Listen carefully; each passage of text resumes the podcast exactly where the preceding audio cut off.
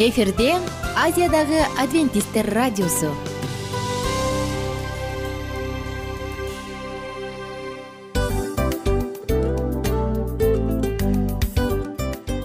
Достор салют. Баардык сүйүктүү угармандарыбызга салам айтабыз. Кутман күнүңүздөр менен. Ден соолук өмүрдүн булагы демекчи саламат саамы программасында баарыңыздарды көргөнүбүзгө абдан кубанычтабыз. Анда алгач амандашып өтөлү арбаңыздар деп. Ден соолугуңуздар кандай элибизде көбүнчө ден соолук кандай дегенде эле жакшы деп жооп беребиз э? ооруп турсак дагы жакшы дейбиз. Анан мен муну айтып ойлойт элем бул абдан сонун сөз депчи анткени бул жакшы деген үмүт да ооба баары жакшы болот. Баары сонун. Деп үмүттөнүп атып эле өзүбүздү өзүбүз дарылап коебуз. Анысы кандай? Сиздин дагы ден соолугуңуз жакшы беш деген үмүттөбүз чындыгында ден соолук бул өмүрдүн булагы деп бекеринен айтылган эмес деп ойлойм. Кыргыз элинде анткени эгерде ден соолук жок болсо анда адамдын жашоосунда калган баардык керектүү маңыздуу нерселер өзүнүн баалуулугун жоготуп коет. Ошондуктан ден соолук бул эң керектүү нерсе. Ооба туура айтасың кесиптешим. Чынында ден соолугуң жок бир эки үч күн ооруп калсаң эле э кандай болуп калат? Жашоодо көз каранды болуп каласың көп нерсеге жетишпей каласың көп нерсени кыла албай каласың. Жада калса эшикке дүкөнгө да чыга албай каласың. Туптуура анан ден соолук болсо демек биз биздин бактыбыз тоодой деп койсок болот. Анда достор саламат саамы рубрикабызды баштайлы. Алдыда өзүңүзгө керектүү болгон сонун кеңештерди уга аласыздар. Мына ошондуктан биз менен бирге болуңуздар. Ал эми биз болсо милан жана айнура. Кеттик алга. Алга саламат саама ден соолуктун жарчысы. Саламат саама ден соолуктун ачкычы. Күн сайын сиз үчүн мыкты кеңештер сонун жаңылыктар кызыктуу фактылар биздин рубрикада.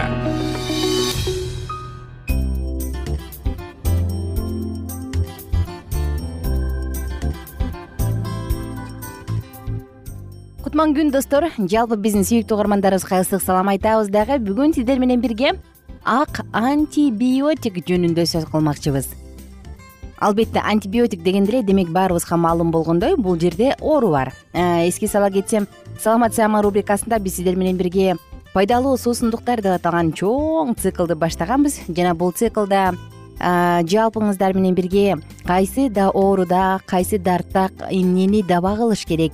Кандай суусундуктарды суу смузи тундурма ширелерди ичиш керек? Мына ушул жөнүндө сонун пайдалуу кеңештерибизди дагы да улантып атабыз жана албетте достор жалпыңыздарды бүгүнкү уктуруубузга да чакырабыз. Анткени чындыгында инфекция бар экен деп дене табы көтөрүлүп кыйналып калган учурда эле бизде колдон келишинче антибиотик ичебиз колдон келишинче ден соолугубузду ошондон жакшы болуп кетейин деп аракет кылабыз дагы. Бирок кайра андан кийин иммунитетибизди түшүрүп алабыз э. Буга чейин биз иммунитет эмне иммунитет алсыз болгондо кандай көйгөйлөр жаралышы мүмкүн? Деги эле иммунитетти кантип чыңдаш керек? Мына ушул жөнүндө сонун кеңештерди бөлүшкөнбүз жана бүгүнкү кезектеги уктуруубузда биз табигый антибиотик. Тагыраак айтканда зыяны жок эч кандай залакасын терс таасирин тийгизбеген сонун антибиотик менен бөлүшөлү деп турабыз. Ошондуктан айымдар жана мырзалар колдон келишинче жаздырып алыңыз сактап алыңыз анткени оңой жөнөкөй мыкты антибиотик. Күз жаз мезгилдери алмашкан учурда сөзсүз ар бирибиз сасык болобуз ар кандай инфекциялар кирип кетет анан бул сонун напиток суусундуктун рецепти менен бөлүшөрдөн мурун мен алгач инфекция жөнүндө бир аз токтоло кетким келип турат. Негизи инфекция деген эмне? Инфекция деген сөз эмнени түшүндүрөт? Келиңиздер карай кетели инфекция бул латын сөзүнөн инфисио деген сөздөн алынган зыян келтирем жуктурам дегенди түшүндүрөт. Инфекция деген сөз бул патогендүү оору козгоочу митенин адамдынбы айбанаттынбы организмине кириши жана көбөйүшү. Организмге кирген инфекция козгогучу бир органда же тканда кармалат. Мисалы эволюциялык процессте котур кенеси теринин эпителий катмарына башкелте козгогучу кан тамыр капталына грипп вирусу дем алуу жолдорунун былжырлуу челине мителик кылууга ыңгайлашкан караңызчы. Организмге мите киргенде ал аны менен организм ортосунда инфекциялык процесс жүрө баштайт да. Инфекциянын бул же тигил түрүнүн пайда болушу козгогучтун касбетине организмдин абалына ооруну кабыл алгычтыгына жараша болот. Патогендүү микроорганизмдердин кээ бирлери ар кандай жаныбарларды ылаңдатат. Көбү анын айрым түрүнө гана мителик кылат. Инфекция козгогучтун түрүнө жараша бактериялык вирустук мите козу карындык рикециялык жана башкалар болуп бөлүнөт. Ал катуу кармаган өнөкөт же инфекция алып жүрүүчүлүк түрүндө бөлүнөт. Тамак аш менен дем алуу жолдорунун ооруларынан козгогучу чүчкүргөндө жөтөлгөндө сүйлөгөндө дем алганда аба аркылуу жугат. Баш келте безгек жана башкалар ооруларда козгогуч метелик кылган кан соору курт кумурска аркылуу дагы тарайт. Мына жалпысынан ушундай. Анан инфекциянын бүгүн бактериалдык жана вирустук жолу менен жүргөн учурда биз кандай кылып табигый антибиотик жасасак болот? Мына келиңиздер ушул жөнүндө сөз кылалы деп турабыз. Негизи көбүнчө микроорганизмдер менен бул инфекция алып келе турган э? Ар кандай ушундай бир инфекциялар микроорганизмдер менен кокостун курамындагы май кислотасы абдан эффективдүү күрөшөт кокос кадимки эле кокостун кокос дегенде эле кокос тердик банан тердик деп ырдап кетсеңиз керек эстеп э?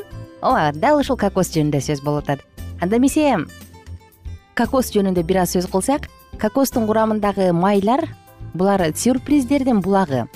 Анткени алар каныккан майлардын түрүнө киргенине карабастан каныккан майлардын дагы бир жолу кайталайынчы. Ошого карабастан кокостун курамындагы май холестериндин деңгээлин төмөндөтөт. Тагыраак айтканда аны жөнгө салат. Ошону менен бирге триглицерид жана башка баардык баардык майлардын баардыгынын деңгээлин кармайт. Жана денеде май чогултпайт. Көбүнчө май жегенде май чогулуп тоолобуз э семиребиз. Бирок анын э, тескерисинче ага каршы ашыкча салмактуулук менен күрөшөт. Андан тышкары ал бактерия вирус грибоктордун баардыгы менен күрөшүүгө күчтүү жетет филиппинде изилдөө жүргүзүлгөн дагы анан анда кичинекей балдар баягы өпкөсү сезгенген жана башка дем алуучу оорулары респиратордук инфекцияларга чалдыккан балдар катышкан. Анан аларда кадимки эле антибиотиктерден тышкары күнүнө аларга он миллилитр кокос майын кошуп турушкан. Ошондо балдар чын эле батыраак айыгышкан анткени кокостун сүтүндө дагы өзүндө дагы сүтүндө дагы албетте жогоруда айтылган эле май бар болгондуктан аны көп эмес аз аздан ичиш керек. Ошондуктан балдарга он миллилитрден гана беришкен.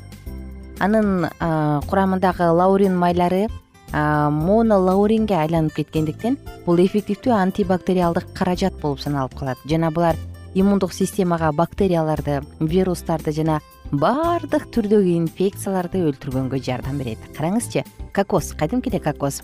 Ал үчүн сизге эки чашка кокос э, майдаланган кокос керек. Төрт чашка суу бир чай кашык майдаланган корица бир чай кашык лимондун сырты же седрасы керек. Эми булардын баардыгын блендерге салып ысык суу куюп туруп аралаштырыңыз. Андан соң э, марлинин жардамы менен сыгып алып туруп болду. Муздаган кезде иче берсеңиз болот жөнөкөй жана сонун. Ошондой эле кокос сүтү уйдун сүтүн дагы каймакты дагы баардык рецепттерде ошондой эле запеканкаларда дагы алмаштырылат анан кокос сүтү дагы бир жолу кайталасам баардык инфекцияларга каршы күрөшүүгө күчтүү холестериндин деңгээлин төмөндөтөт артерияларды коргойт терини сыйдам кылат жана ашыкча салмактуулуктан арылууга жардам берет. Ошондуктан достор табигый антибиотик противовирустук каражат болгон артерияларды коргогон термогендик терини сыйдам кылган жана минералдык туздар менен бизди азыктандырган кокостон жасалган ак антибиотик дарыз сиздерге сунуштайбыз. Оорубаңыздар ушул жана башка сонун маалыматтар менен дагы кененирээк саламат чекит клуб сайтынан тааныша аласыздар а биз сиздер менен коштошобуз. Көңүлдүү күн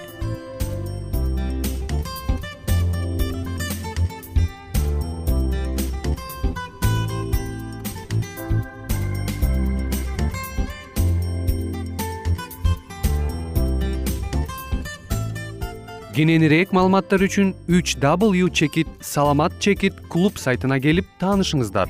Жана андан тышкары социалдык тармактарда youtube facebook жана instagram баракчаларына катталыңыз. Саламат саама ден соолуктун жарчысы. Саламат саама ден соолуктун ачкычы. Күн сайын сиз үчүн мыкты кеңештер сонун жаңылыктар кызыктуу фактылар биздин рубрикада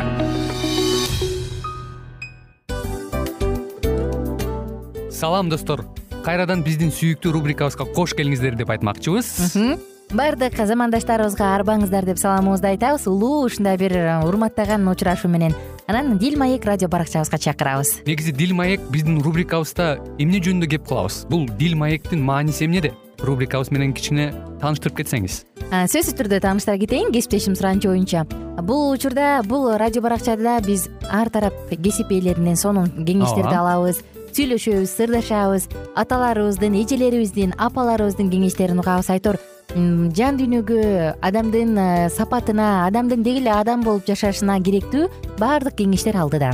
Негизи э, дил маек дегенде баягы эки адамдын ортосундагы сырдашуу кенен сүйлөшүү. Негизи эле биз адамдар бири бирибиз менен бир жерге жай жерге отуруп алып өзүнчө тынч э, жашоо жөнүндө өмүрүбүздө эмне болуп атканын бөлүшкөнү жакшы көрөбүз э адамдар. Ооба туура айтасың анан мындай учурга кээде убакыт да жетпей келет э? Же болбосо сырыңды кайгыңды муңуңду кубанычыңды айткың келет а адамга ишенбешиң мүмкүн. Ооба. А бул радио баракча угармандарыбыздын чыныгы досу. Анткени бизден алган кеңеш сиздин жашооңузга чоң жардам берет.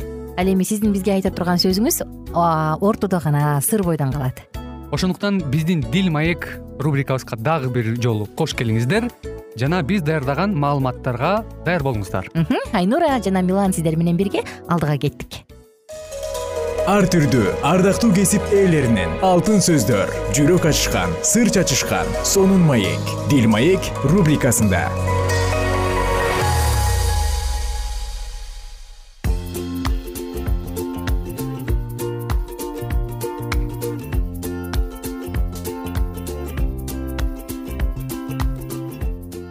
Салам достор. Кутман күнүңүздөр менен кадырлуу замандаштар. Биздин сүйүктүү угармандарыбыздын баардыгына ысык салам айтабыз дагы. Сиздер менен бирге дил маек уктуруусун баштадык. Бүгүнкү уктурууда сөзсүз түрдө жан дүйнөңүздү кубандыра турган кулагыңызга күмүш сырга боло турган сонун сөз менен бөлүшөбүз.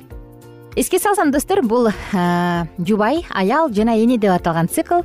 Бул циклда биз сиздер менен бирге аял заты жөнүндө сөз кылып жатабыз. Ой эң күчтүү тарыхта изи калган укмуштуу аял заты жөнүндө сөз кылып жаткан чагыбыз жана албетте бүгүнкү уктурууда дагы биз дал ушул аялдардын бири болгон прискила жөнүндө темабызды улантабыз мурунку уктуруубузда прискила жолдошу акила менен чогуу чатыр жасап иштегенин укканбыз э? Анан анын эмнеси менен өзгөчөлөнгөн?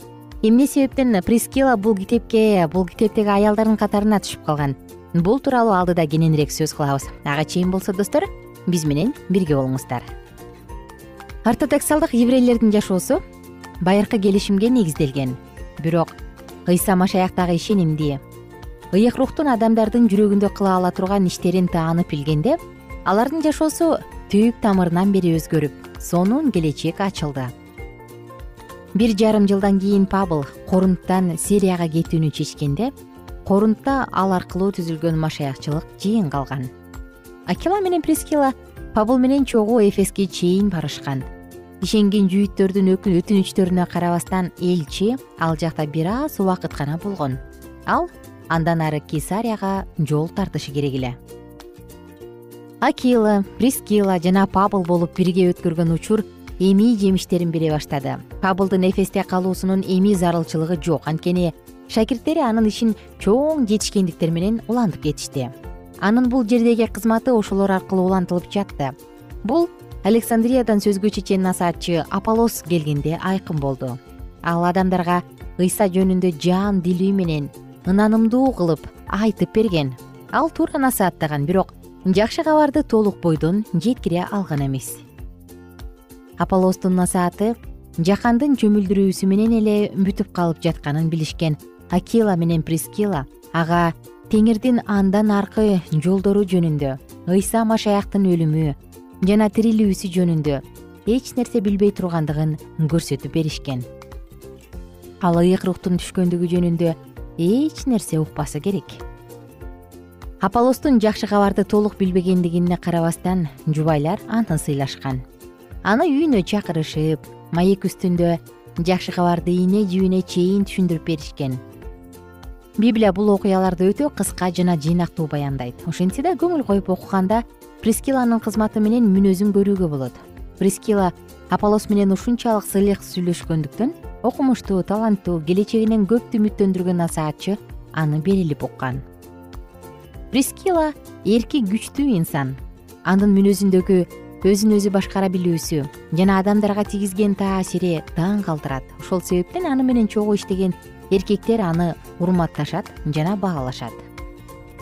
Акила экөө апалоско эмнелерди айтып беришкен? Алар пабыл үйрөткөн чындыктарды гана айтып беришкен. Алар ыйык жазуунун негизинде ыйсанын убадаланган машаяк экенин далилдеп беришкен. Бул кабар бүт дүйнөгө чагылгандай тез тараган. Пабыл кийинчерээк өзүнүн уулу тиметейге көп күбөлөрдүн көзүнчө менден укканыңды башкаларга да үйрөтүп ала турган ишенимдүү адамдарга айт деп жазган акила менен прескила пабылдан үйрөнгөндөрүн аполоско үйрөтүшкөн аполос болсо өзүнүн билгендеринин ичине сактап жүрө берген эмес. Бир нече убакыт өткөндөн кийин ал бул кабарды корунттагы адамдарга айтып берген. Бул жубайлардын жашоосунун жемиштерин аполлостун көптөрдүн окутуучусу болуп калгандыгынан көрүүгө болот. Алар аполлостун алдында өздөрүн жоопкерчиликтүү сезишкен. Эми ал башкаларга насаат айтууга жөндөмдүү жана даяр болуп калгансыды.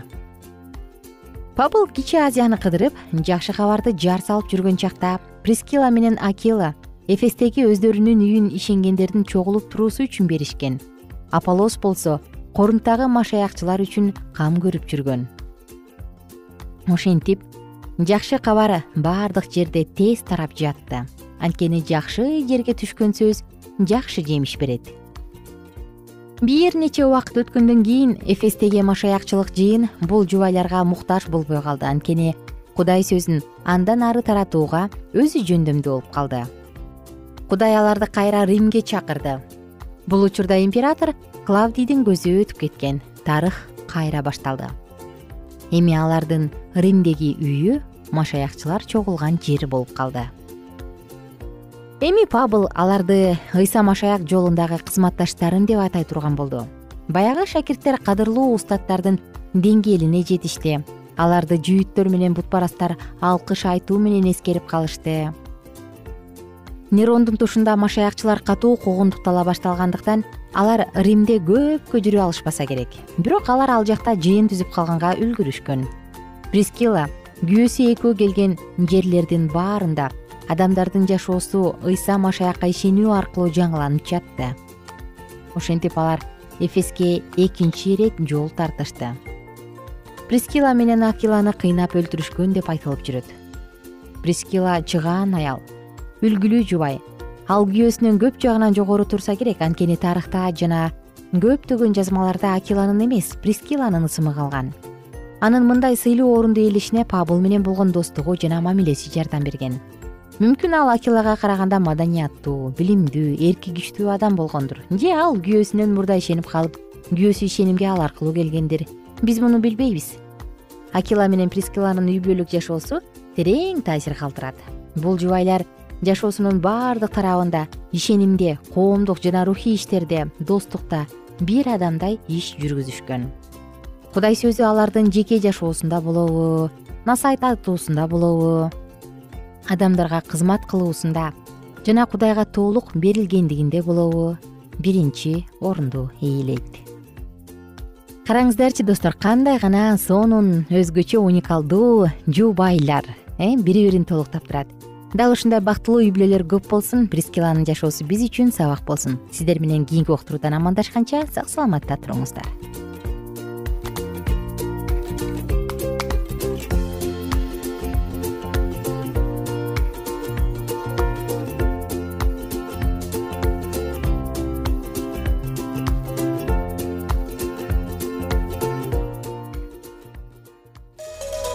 ар түрдүү ардактуу кесип ээлеринен. Алтын сөздөр жүрөк ачышкан сыр чачышкан сонун маек. Дил маек рубрикасында.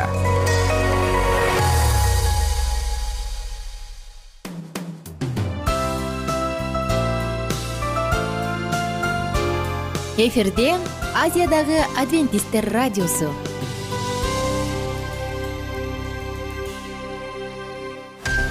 жан дүйнөңдү байыткан жүрөгүңдү азыктанткан жашооңо маңыз тартуулаган жан азык рубрикасы.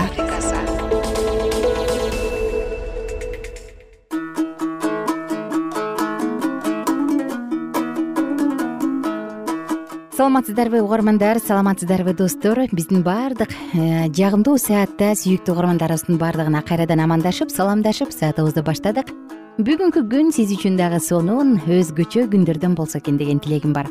Жана албетте достор бүгүнкү күндө дагы сиз менен бирге аюб китебинен сонун маалыматтарды окуйбуз. Акыркы уктурууда биз унчукпай отуруп баарынын сөзүн тыңшап аягында эң жаш болгондугунан жана улуулардан бир аз ыйба кылгандыктан унчукпай отурган элюнун сөз катканын айтканбыз э?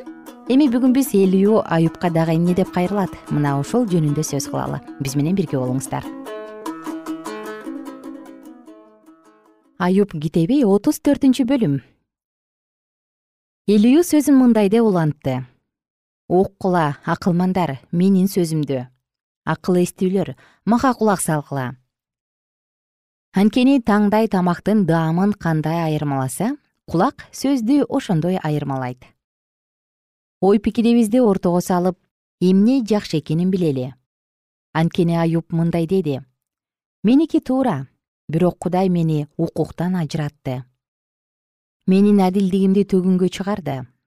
Жазыксыз алган жараатым айыккыз шылдыңды сууда ичип жаткан айыптай адам барбы? Ал мыйзамсыз иштерди жасагандардын уюмуна кирип мыйзамсыз адамдар менен жүрөт. Анткени ал мындай деп айтты. Кудайга жакшы иштер менен жагынуудан адамга пайда жок. Ошондуктан мени уккула. Акылдуу адамдар кудайда калп болушу мүмкүн эмес. Кудуреттүү кудайда адилетсиздик болбойт. Анткени ал өзүнүн иштерине жараша кылат. Ар бир адамга жолдоруна жараша берет. Чындыгында кудай жалган нерсе жасабайт.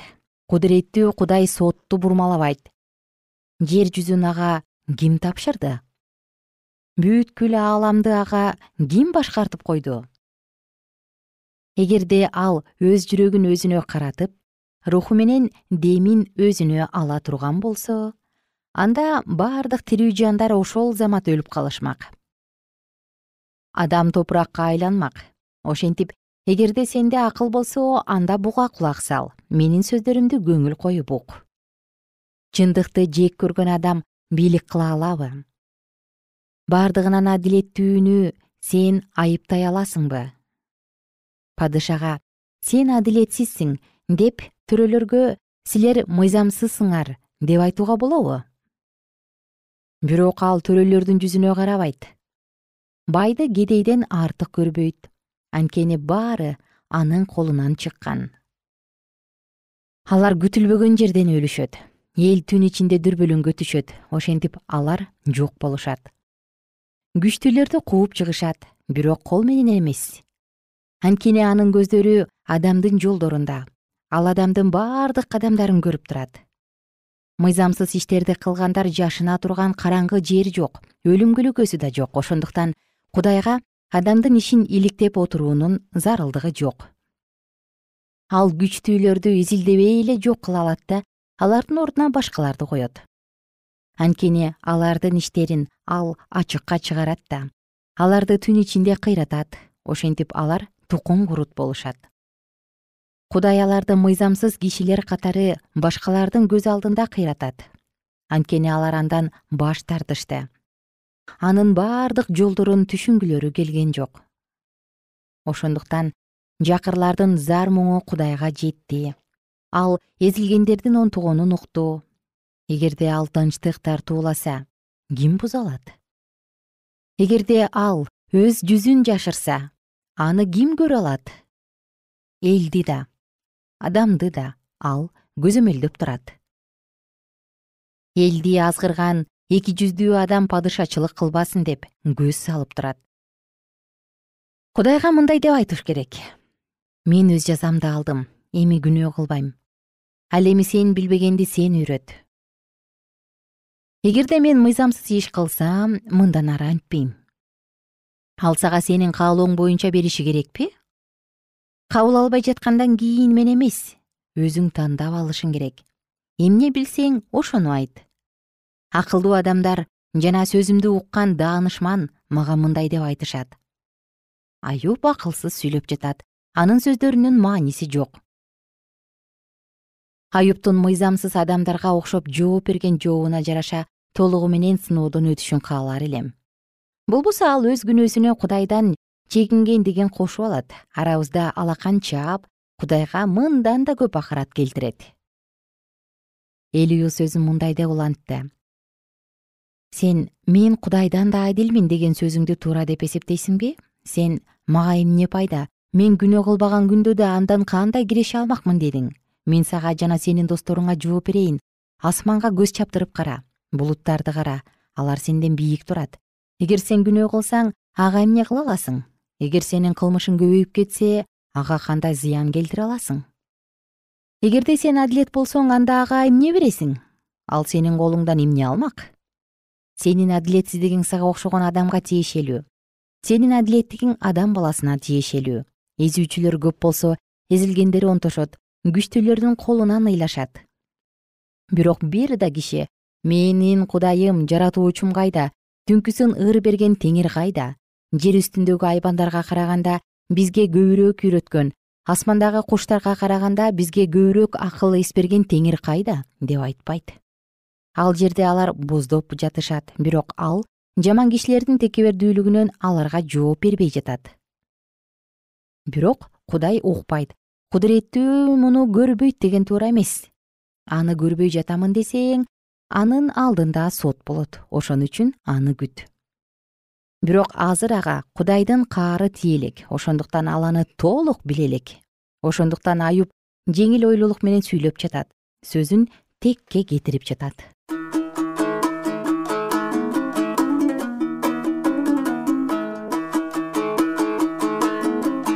Достор кызык. Абдан кызык айыптоо жана кызык сөздөр э биз кийинки уктуруубузда элюю андан ары сөзүн эмне деп улантат. Дагы эмне деген сөздөрдү айтып айыптаган? Мына ушунун баардыгын кийинки уктурууда дагы улантабыз. Ошондуктан бизден алыстабаңыздар дейбиз. Биз менен бирге болуңуздар достор сонун маалыматтын баардыгы кийинки уктурууда. Жана жалпыңыздарга көңүлдүү күн каалайм. Кеч болсо кеч көңүлдүү болсун күн болсо күн көңүлдүү болсун. Эң негизгиси маанайыңыз эч качан түшпөсүн. Бар болуңуздар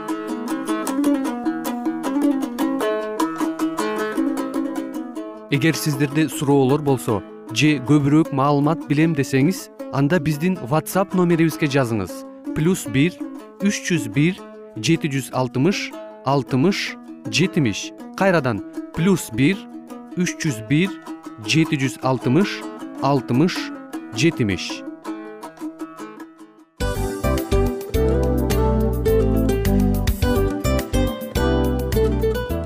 достор биздин радио баракчаларыбыз соңуна келди. Демек бул программабызды дагы жыйынтыктаочу учур келдик.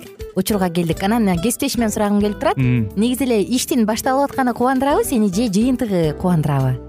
Албетте жыйынтыгы. Себеп дегенде сен кылган ишиңдин жыйынтыгын көрүп э, баягы мөмөсүн көрүп дегендей жыргайсың жүрөгүң жемишинен татып э? Кандай даамдуу деп. Баягы буудай сепкенде эмес буудай эгинди жыйнагандан кийин ысык нанды жегенде кадимкидей ырахаттанасың го. Ой айтпа туура айта кеттиңиз. Сонун салыштыруу болду анан мен дагы абдан кубанып турам анткени биз угармандарыбыз үчүн аябай эмгектенип келген уктуруубуздун соңуна келип калдык.